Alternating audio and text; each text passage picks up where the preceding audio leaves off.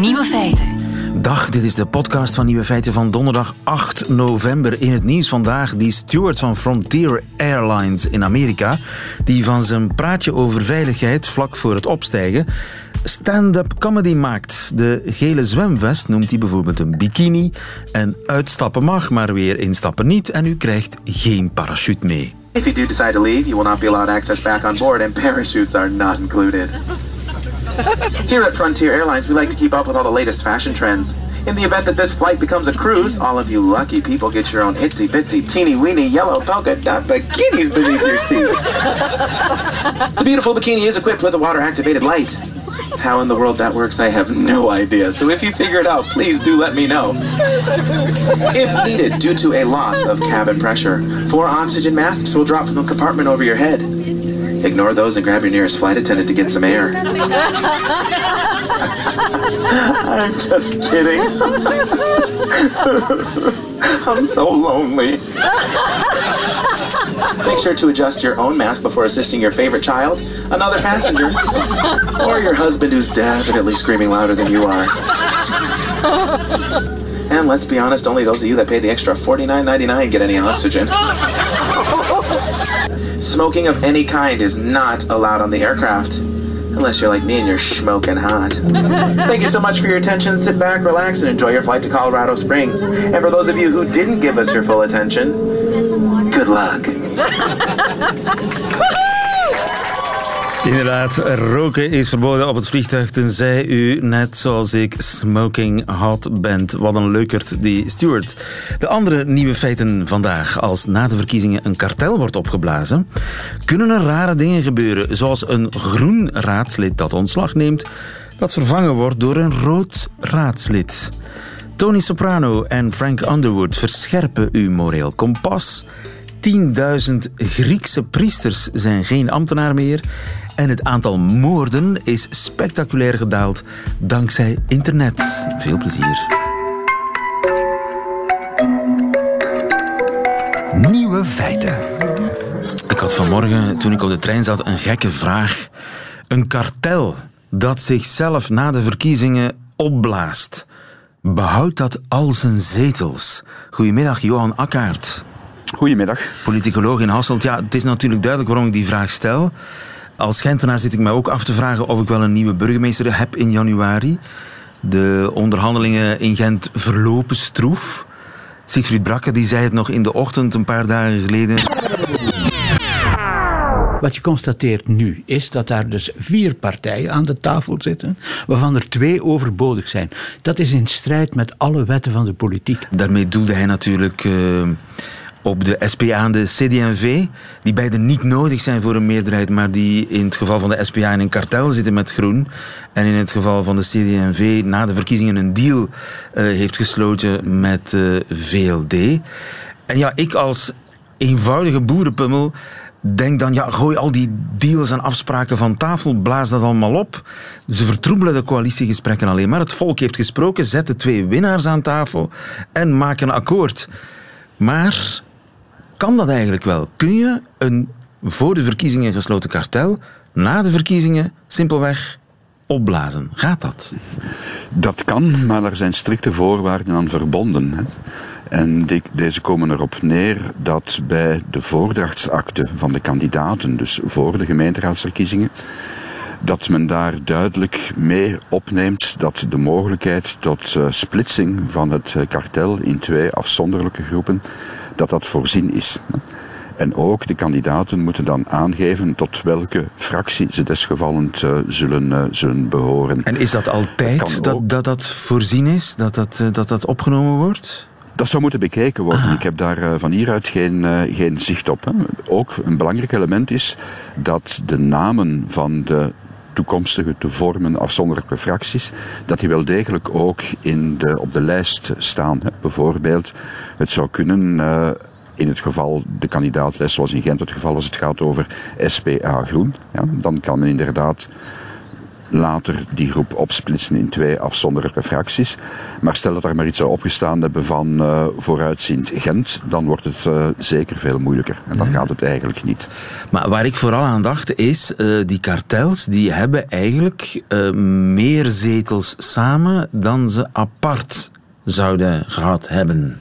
Grote partijen worden bevoordeeld, toch? Dat is inderdaad zo. Hè. Bij de gemeenteraadsverkiezingen gebruikt men een ander verdeelsysteem. Dat heet het systeem Imperiali. En dat bevoordeelt de grotere partijen en benadeelt de kleinere groepen. En dat is soms een element dat eh, meespeelt in de beslissing om een kartel op te zetten. Ja, waarom is dat eigenlijk ooit zo geregeld dat als je als twee partijen bij elkaar komen, ja, dat de, de som groter is dan de delen? Waarom eigenlijk?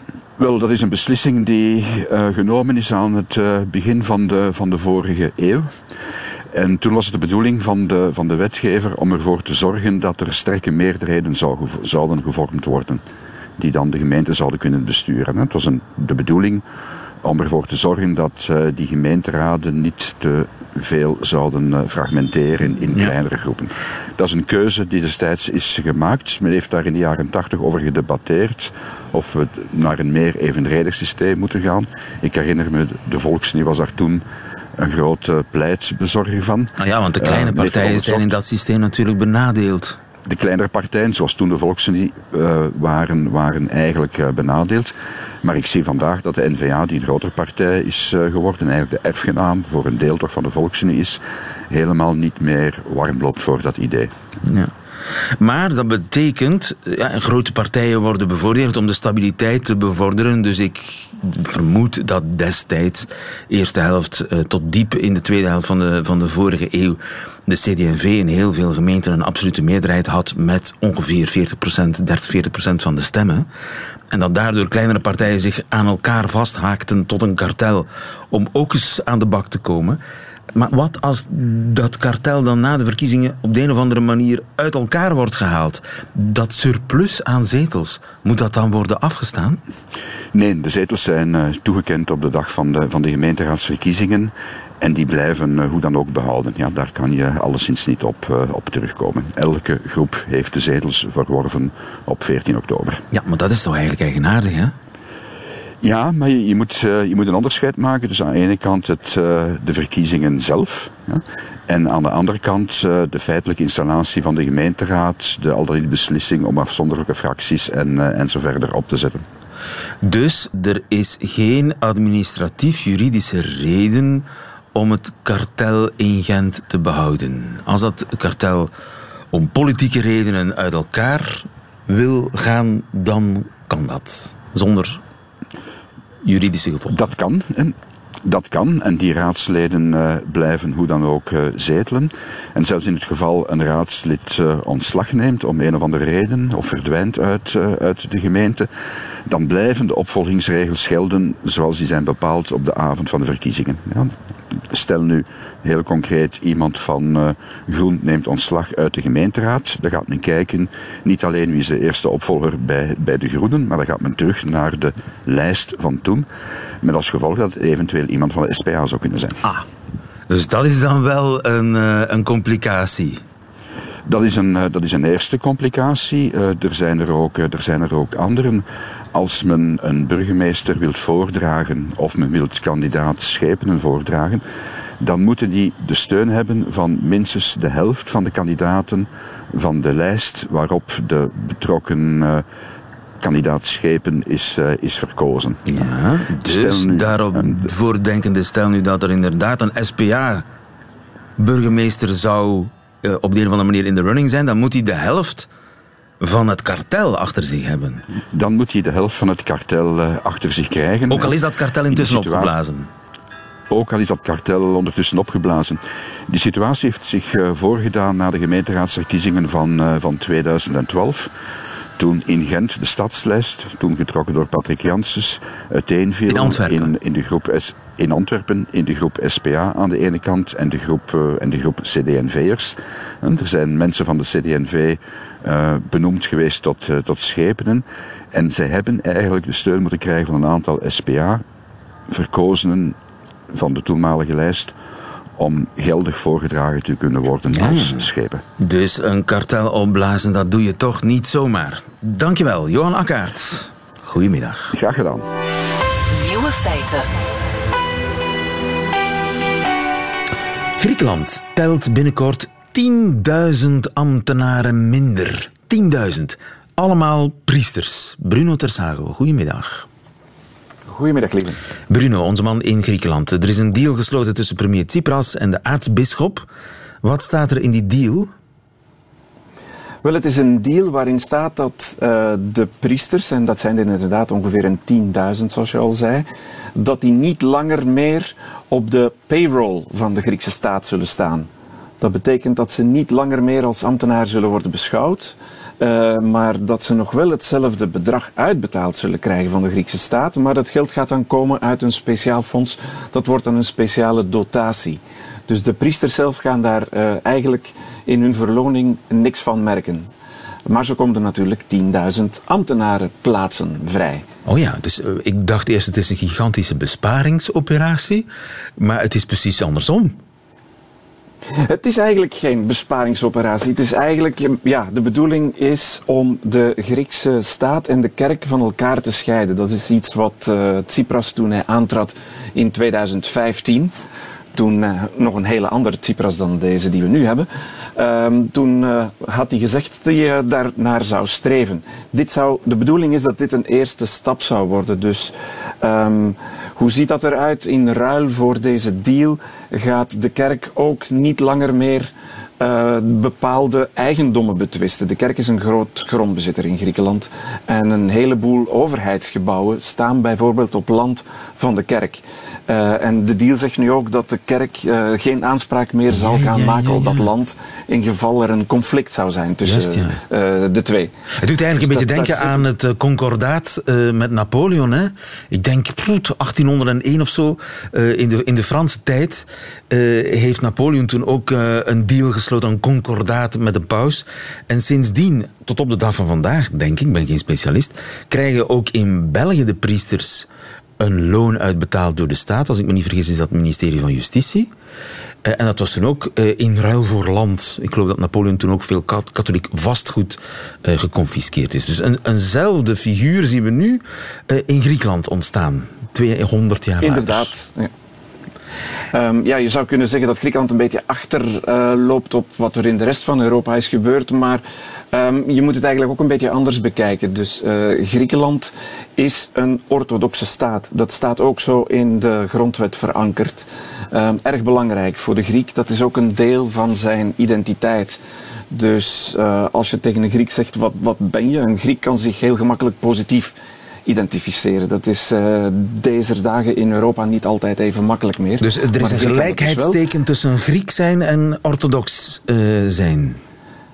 Uh, ja, dat mag je wel zeggen. Dus als, iemand, als je aan iemand vraagt wat is Griek zijn, dan betekent het je spreekt Grieks, je bent orthodox. Zeker, sowieso. Zijn er dan geen atheïsten in Griekenland? Tsipras is er toch één? Uh, ja, ja, Tsipras is er één.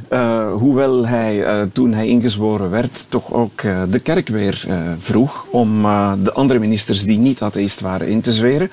Um, voor de verkiezingen... Oh, wacht eens even. De, de, de kerk moet de regering inzweren? Jazeker. dat, dat gebeurt altijd. Bij elke nieuwe regering wordt de, de regering dus ingezworen door de kerk. De, dat moet ik toch even laten bezinken. Dus daar staat iemand te kwispelen. Jazeker. Uh, trouwens, uh, bij het openen van het schooljaar staat er ook iemand te kwispelen. Namelijk uh, een priester die de gebouwen komt inzegenen. Um, toen ik pas hier in Griekenland aankwam in 2000, dat was januari, stond ik te kijken, want op een dag kwam er een priester binnen met een, ik denk dat het een takje wilde peterselie was, die uh, ook de kantoorgebouwen kwam inzegenen. Dus dat, dat met is peterselie? in het... Ik dacht dat Niet eens een palmtakje? Of het zou misschien ook nog basilicum kunnen zijn geweest, maar het was wel degelijk, uh, ja. Dat later op de souvlaki is geëindigd. Nu, uh, godsdienst op school, daar zeg je zoiets. Is dat, is dat verplicht? Kun je ook kiezen voor zedenleer? Uh, nee, dat bestaat hier niet. Dus uh, er wordt in Griekenland uh, twee uur per week godsdienstonderricht gegeven. En um, Men heeft al een paar keer geprobeerd om uh, dat wat open te breken en, en om naar een soort zedeleer of, of een, een uh, leer van alle religies van te maken. Maar de kerk is daar steeds tegen gekant geweest. Moet je ook weten dat het ministerie dat bevoegd is voor onderwijs in zijn volledigheid heet het ministerie van Onderwijs, Wetenschappelijk Onderzoek en religieuze zaken. Dus je ziet dat daar ook de kerk eh, heel wat inspraak heeft. Dus uh, op dit moment wordt er nog altijd orthodoxe uh, leer gegeven op de school. En hoe zit het met uh, de zogenaamde ethische kwesties? Abortus, euthanasie, homohuwelijk? Is er überhaupt sprake van? Um, ja, dat, daar wordt wel over gesproken natuurlijk in het publieke debat. Um, maar euthanasie kan niet. Kan niet voor de kerk. Um, laat ons nog een, een simpeler voorbeeld nemen, wat eigenlijk niet eens zo extreem is. Crematie wordt niet toegestaan door de uh, orthodoxe kerk. Dus als een Griek zich wil laten cremeren, moet hij uitwijken naar een ander land. Dat uh, lukt dus niet in Griekenland. Dat is ook iets wat de regering Tsipras probeert te veranderen. Die probeert ook hier een, een crematorium te bouwen. Maar dat is dus uh, helemaal niet eenvoudig. De enige bekende Griek die erin geslaagd is, is Maria Callas. En haar as is verstrooid in uh, de Egeïsche Zee. Dat is dan nog maar crematie. Dan hebben we het nog niet eens over euthanasie gehad. Uh, homohuwelijk, is daar uh, ooit sprake? Komt dat er ooit, denk je? Wel, uh, er is een burgemeester op het eilandje Tilos, niet zo heel ver van Rodos, die een paar homohuwelijken heeft ingezegend de voorbije jaren. Um, maar het gevaar bestaat ook dat de kerk daar gaat tegen optreden en die uh, huwelijken um, wil laten annuleren. Ja. Moet je ook weten, omdat er geen uh, scheiding is tussen kerk en staat. Als je hier voor de kerk trouwt, ben je meteen ook voor de staat getrouwd. Er is dus, geen onderscheid dat loopt tussen... ook helemaal door elkaar. Ja, ja. Nee, nee, helemaal niet. De scheiding tussen kerk en staat staat nog maar aan het begin. Uh, premier Tsipras heeft wat dat betreft beloftes gedaan en doet nu een eerste stap in het inlossen van die belofte. De 10.000 priesters zijn geen ambtenaren meer, maar eigenlijk in de portemonnee maakt dat geen verschil. En ook het geld blijft van de overheid komen. Precies, en het zal ons misschien nog meer gaan kosten, want uh, de woordvoerder van de regering zei gisteren dat er nu 10.000 banen zijn vrijgekomen. Inderdaad. Uh, dus Griekenland heeft een soort moratorium op het aannemen van ambtenaren. Uh, dat is afgesproken met de leenheren, zoals ik ze graag noem. En Um, op dit moment ja, zijn er opeens weer 10.000 nieuwe banen vrijgekomen. Uh, Tsipras zegt dat hij uh, gaat proberen die in te vullen met onderwijzend personeel en met dokters. Want in, uh, de, in, in, het onderwijs en in de gezondheidszorg is er heel erg zwaar gesneden de voorbije tien jaar. Um, maar critici zeggen dat het toch ook wel erop lijkt dat dit een beetje een verkiezingsstunt is. Want het ziet er naar uit dat Griekenland naar vervroegde parlementsverkiezingen gaat, die dan wellicht zullen samenvallen met de Europese parlementsverkiezingen en de gemeenteraadsverkiezingen in mei van 2019. En dan wordt het weer een beetje warmer in Athene. Dankjewel Bruno Tersago. Goedemiddag. Nieuwe feiten.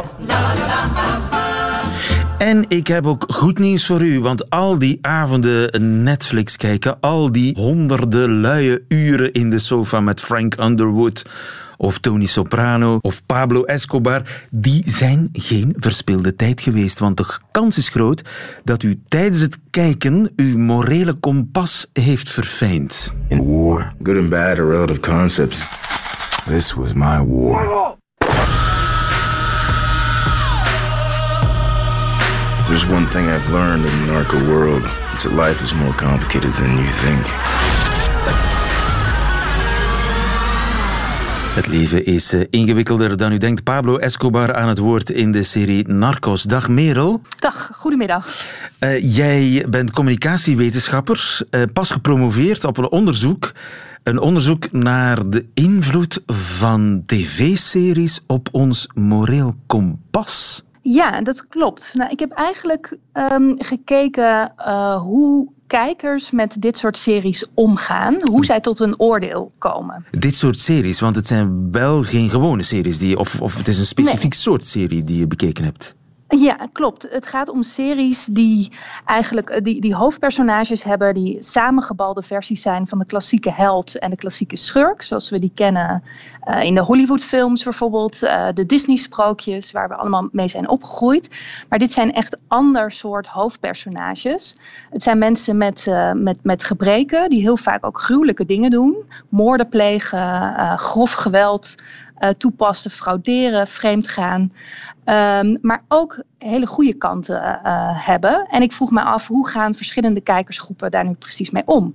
En ja, inderdaad, je hebt veel van die series hè, met een sympathieke slechterik in de hoofdrol. Ja. House of Cards, Frank Underwood. En dan uh, ja, Pablo Escobar in Narcos. En Ja. Tony Soprano was misschien de, de oerversie daarvan. Ja, ja, dat was echt een van de eerste series uh, die helemaal draaide uh, rond een uh, maffiabaas notabene. Enerzijds een, een sociopaat, zeer gewelddadig. Anderzijds ook een hele warme familieman. Um, en heel veel kijkers vonden hem toch wel heel erg aansprekend. En dat vond ik erg interessant. Dus dat was ook het startpunt van mijn onderzoek. Ja, want de vraag is, worden we daar zelf niet immoreel van? Als we de slechterik heel sympathiek gaan beginnen vinden, ja. dan willen we misschien zelf wel hoofd van de maffia worden. nou, de verschillende, er gebeuren eigenlijk verschillende dingen. Um, dus je moet in zekere zin ook moreel ontkoppelen om het verhaal te kunnen blijven volgen. Dus als je voortdurend bewust bent van ik zit naar een man te kijken die verschrikkelijke dingen doet, dan kan je eigenlijk geen kijkplezier beleven. En wat er eigenlijk gebeurt is dat je uh, als kijker een nieuwe set regels aangeleerd krijgt en eigenlijk kennis maakt met met personages die hele complexe karakters hebben. En dat betekent niet dat je morele kompas wordt overschreven, um, maar je krijgt eigenlijk verschillende nieuwe perspectieven aangeleerd, waardoor je op een veel diepgaandere en genuanceerdere manier ook naar hele complexe morele situaties in je eigen leven Aha, die, dus die series dwingen eigenlijk tot nuance. Ja, ze ontregelen je eigenlijk. Um, dus juist omdat ze, omdat ze uh, morele situaties dramatiseren, dus echt op de spits drijven. Um, dus als ik uh, uh, aan u zou vragen, vindt u dat moorden mag? Dan zegt u uiteraard nee, tenminste daar ga ik van uit. Um, maar in dit soort verhalen gaat het er bijvoorbeeld om, mag ik iemand vermoorden als ik daar mensen, mensenlevens mee red? Of kan ik dat over mijn kant laten gaan? Als ik bijvoorbeeld word bedrogen door iemand, brengt dat mijn eigen positie in gevaar. Dus juist doordat het op de spits wordt gedreven, word je als kijker enorm uitgedaagd. Tot een gewetensonderzoek eigenlijk. Ja, ja, het is voortdurend, uh, um, moet je als kijker op zoek gaan naar een nieuwe balans. En worden eigenlijk morele vanzelfsprekendheden voortdurend bediscussieerd. En daardoor moet je echt bij jezelf te raden gaan en bedenken, wat zou ik doen? En waar ligt voor mij dan precies uh, de grens? Ja, ja, en zo wordt je morele kompas juist uh, verfijnd in plaats van vervaagd. Ja. en, en is dat bij iedereen zo? Is dat bij jong en oud, bij hoog en laag opgeleid? Uh, nou, dat, verschilt uh, sterk. Uh, wat eigenlijk de kijkersgroep was die daar het minst gevoelig voor was, en dit is, vond ik zelf erg opmerkelijk, is de groep gedetineerden die ik heb geïnterviewd. Um, die weken eigenlijk helemaal niet af van hun eigen morele kompas. Dus ze pasten voortdurend hun eigen wetten toe op de verhalen. Dat ging over de Sopranos. Daar heb ik met, gedetineerden naar gekeken. En hoe complex de dilemma's waren van de personages, daar gingen de gedetineerden eigenlijk niet in mee. Dus om een Zij voorbeeld te dachten noemen. zwart-wit en ze bleven bij hun oorspronkelijke standpunt. Ja, noem eens een voorbeeld. Nou, bijvoorbeeld uh, loyaliteit was een hele belangrijke kernwaarde voor deze uh, groep. En uh, ik heb samen met hen een aflevering gekeken waarin een Sopranos-lid, Pussy, met de FBI praat. En die hele aflevering draait om uh, die enorme spagaat waar dit personage in zit. Enerzijds wil hij trouw blijven aan zijn maffiafamilie. Anderzijds wordt hij echt enorm onder druk gezet door de FBI. Uh, kan hij strafvermindering krijgen, anders zou hij uh, hoogstwaarschijnlijk levenslang krijgen. Maar um, samen met gedetineerden naar daar keek, was daar eigenlijk helemaal geen ruimte voor, voor empathie voor dit personage. Dus wordt keihard afgewezen. Je blijft en trouw aan de maffiabaas. Je gaat niet praten met de politie. Uh, ja, absoluut. En dat wordt, dat wordt uh, keihard afgestraft. Maar ook als het gaat over niet trouw zijn aan je partner. Of uh, je familie in de steek laten. Dus eigenlijk in allerlei soorten settings was die loyaliteit enorm belangrijk. En hoe uitdagend uh, en, en emotioneel soms het verhaal ook was, daar was helemaal geen ruimte voor. En om een contrast te maken met bijvoorbeeld burgers, dus mensen die geen criminele achtergrond uh, hadden en ook niet werkzaam waren als politieagent bijvoorbeeld. Um, daar was juist heel veel ruimte om mee te gaan met, met deze personages. Ja. En werden eigenlijk al die verschillende overwegingen werden meegenomen. En zij kwamen juist tot een heel genuanceerd oordeel. Dus uh, die series werken niet bij mensen met een crimineel verleden. Dat is interessant. Hè? Hebben we enig idee hoe dat zou kunnen komen? Nou, een van de verklaringen is dat criminele organisaties heel vaak um, zelfregulerend zijn. Uh, dus eigenlijk een gemeenschap zijn in de samenleving als geheel. En uh, dat zij natuurlijk ook uh, heel vaak een eigen uh, wetsysteem heb, hebben, die haak staat op het, het rechtssysteem zoals wij die kennen. Um, dus dan zou het ook heel erg gevaarlijk kunnen zijn om juist die eigen hele strikte normen en waarden te gaan bediscussiëren. door naar dit soort series te kijken. Dus zij, zij gebruikt het eigenlijk veel meer als een uh, spiegel, ook al was die heel erg uh, uitdagend, maar om voortdurend toch in die hele complexe situaties hun eigen uh, rigide wetten op toe te passen. Oké, okay, heel boeiend. Maar in ieder geval, die series zijn veel meer dan alleen maar entertainment. Merel van Omme, dankjewel en nogmaals gefeliciteerd met je dissertatie over uh, de Amerikaanse series met de sympathieke slechterik in de hoofdrol. Goedemiddag. Goedemiddag. Nieuwe feiten. Ik zal eens een bekentenis doen. Ik schrok mij rot. Een paar dagen geleden kreeg ik van mijn telefoon ongevraagd een bericht. Kennelijk had ik dat onbewust ingesteld. Hoeveel uren schermtijd ik eigenlijk had ongeveer per dag. Ik durf het niet zeggen, maar het was zes uur. Ik zit zes uur te internetten per dag. Tuurlijk doe ik dat ook voor het werk. Maar één voordeel heeft al dat internetten.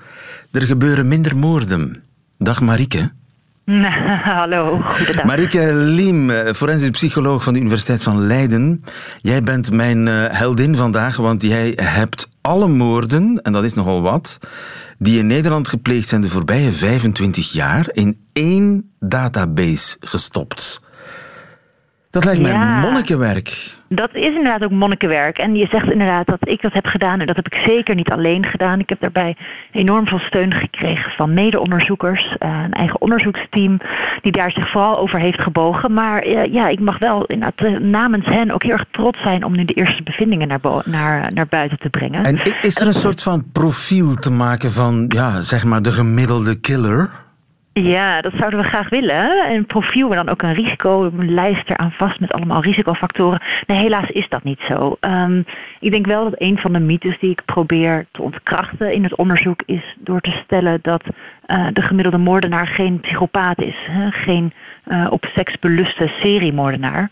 Uh, maar dat het juist ja, de, banaliteit van het kwaad, zoals het ook wel heet, um, dat het juist mensen zijn die we lief hebben, mensen met wie we vriendschappelijk omgaan, dan wel om zijn gegaan. Mensen die, die dichtbij ons staan, die juist het grootste risico vormen uh, om uh, je onder het leven te brengen. En diegenen die dat niet zijn, namelijk vreemden, um, een veel lager risico met zich meebrengen. Dus de hele mythe van stranger danger, die lijkt niet op te gaan. Het uh, vreemde monster, de, de rare man die vanuit het bos op ons afkomt gesprongen, dat bestaat eigenlijk niet of nauwelijks. Nu, het is, het is wel een man, hè, de moordenaar. In de, in Meestal. de merendeel van de gevallen is het inderdaad een man. En de meeste moorden worden ook tussen mannen gepleegd. Dus de meeste slachtoffers zijn ook man. Uh, ongeveer een derde van alle slachtoffers is vrouw. En dat uh, betreft dan vaak um, partnerdoding, uh, doding in gezinsverband. Um, de, en crime, de crime passionnel, is dat de belang, het belangrijkste motief? Voor partnerdoding bedoelt u? In het algemeen voor moorden? Is er een soort nee, hoofdmotief? Zeker niet.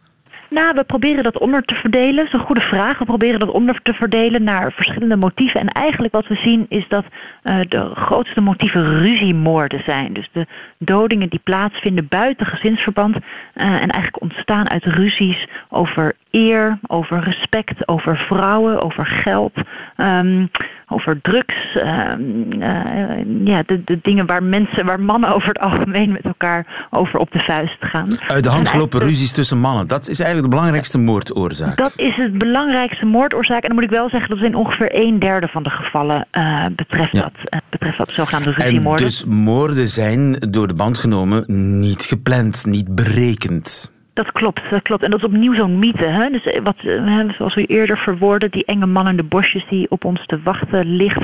Dat blijkt in de merendeel van de gevallen niet het geval. Het zijn inderdaad ruzies die escaleren. Um, in, een, een, klein aantal gevallen moet ik wel zeggen hoor, is het wel degelijk voorbereid en wel degelijk een, een, geheel gepland en intentioneel um, delict. Maar in heel veel gevallen inderdaad escaleert het en is de, is de dader slachtofferschap is vaak ook wat ambigu. Hè? Is het vaak ook onduidelijk wie aan het eind van, het, uh, van de uh, gewelddadige uitwisselingen de dader wordt en wie het slachtoffer wordt. Soms dan blijken die twee best wel inwisselbaar te zijn. Dus het had eigenlijk in bepaalde gevallen precies andersom kunnen zijn. Precies dat, precies dat. Boeiend. Maar het belangrijkste vind ik toch, uh, als ik die cijfers zie, is die daling. Die daling is immens inderdaad. Nou, we hebben dus gekeken naar de afgelopen 25 jaar. Dus dat gaat vanaf 1992 tot en met 2016.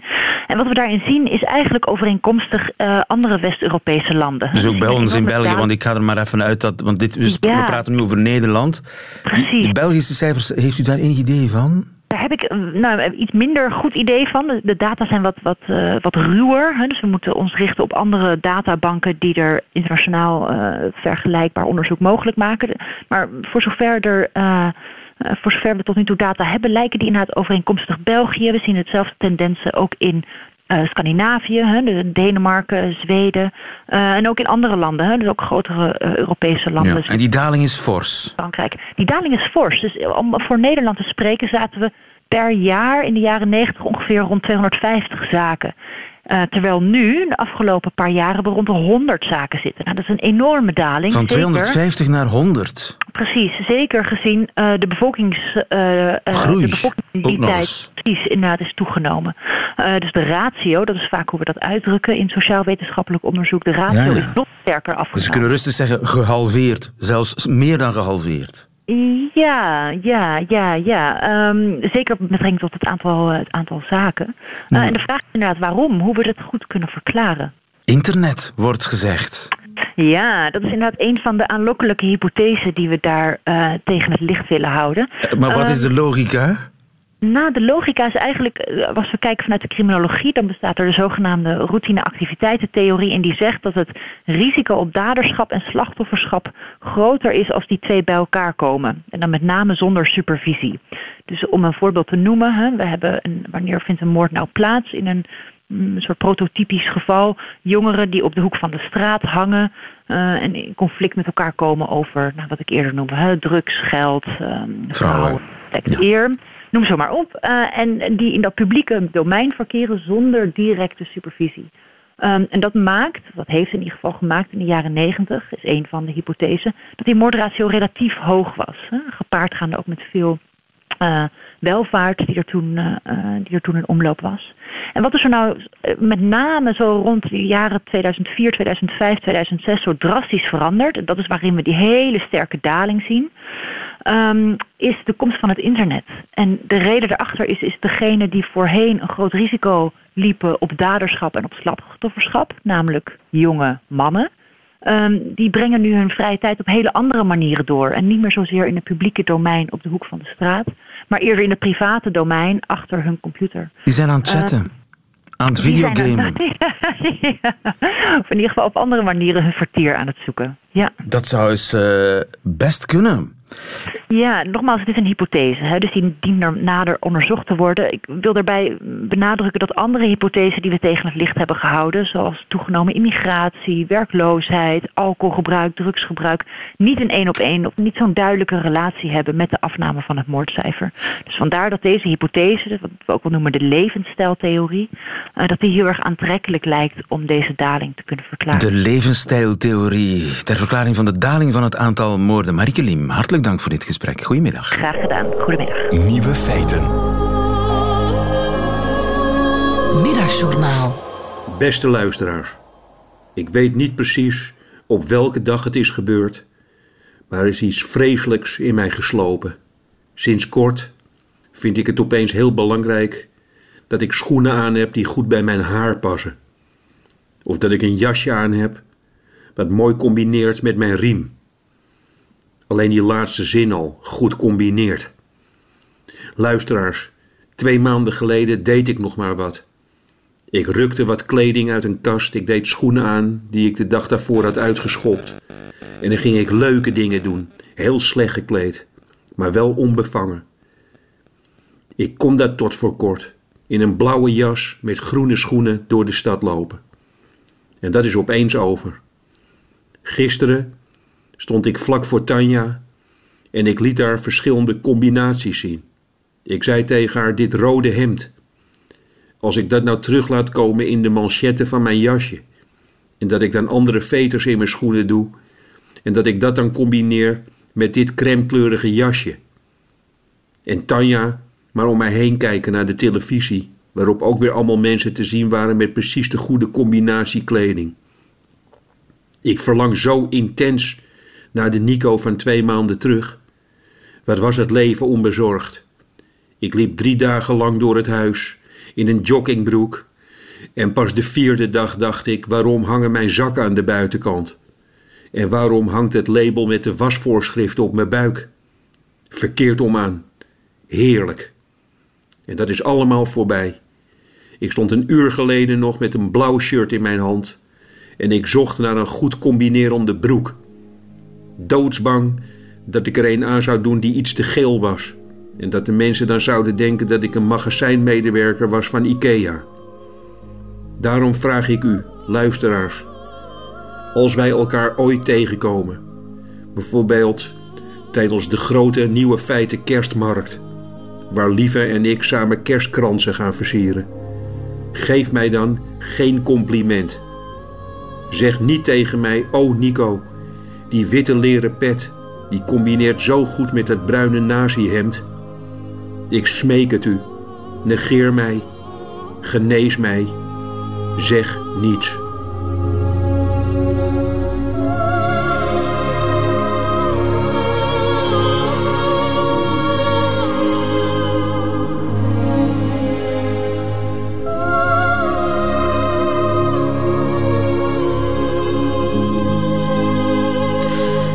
Middagjournaal met Nico Dijkshoorn. Meteen het einde van deze podcast, maar u vindt er nog veel meer op radio1.be of op de gebruikelijke podcastkanalen. Tot de volgende keer.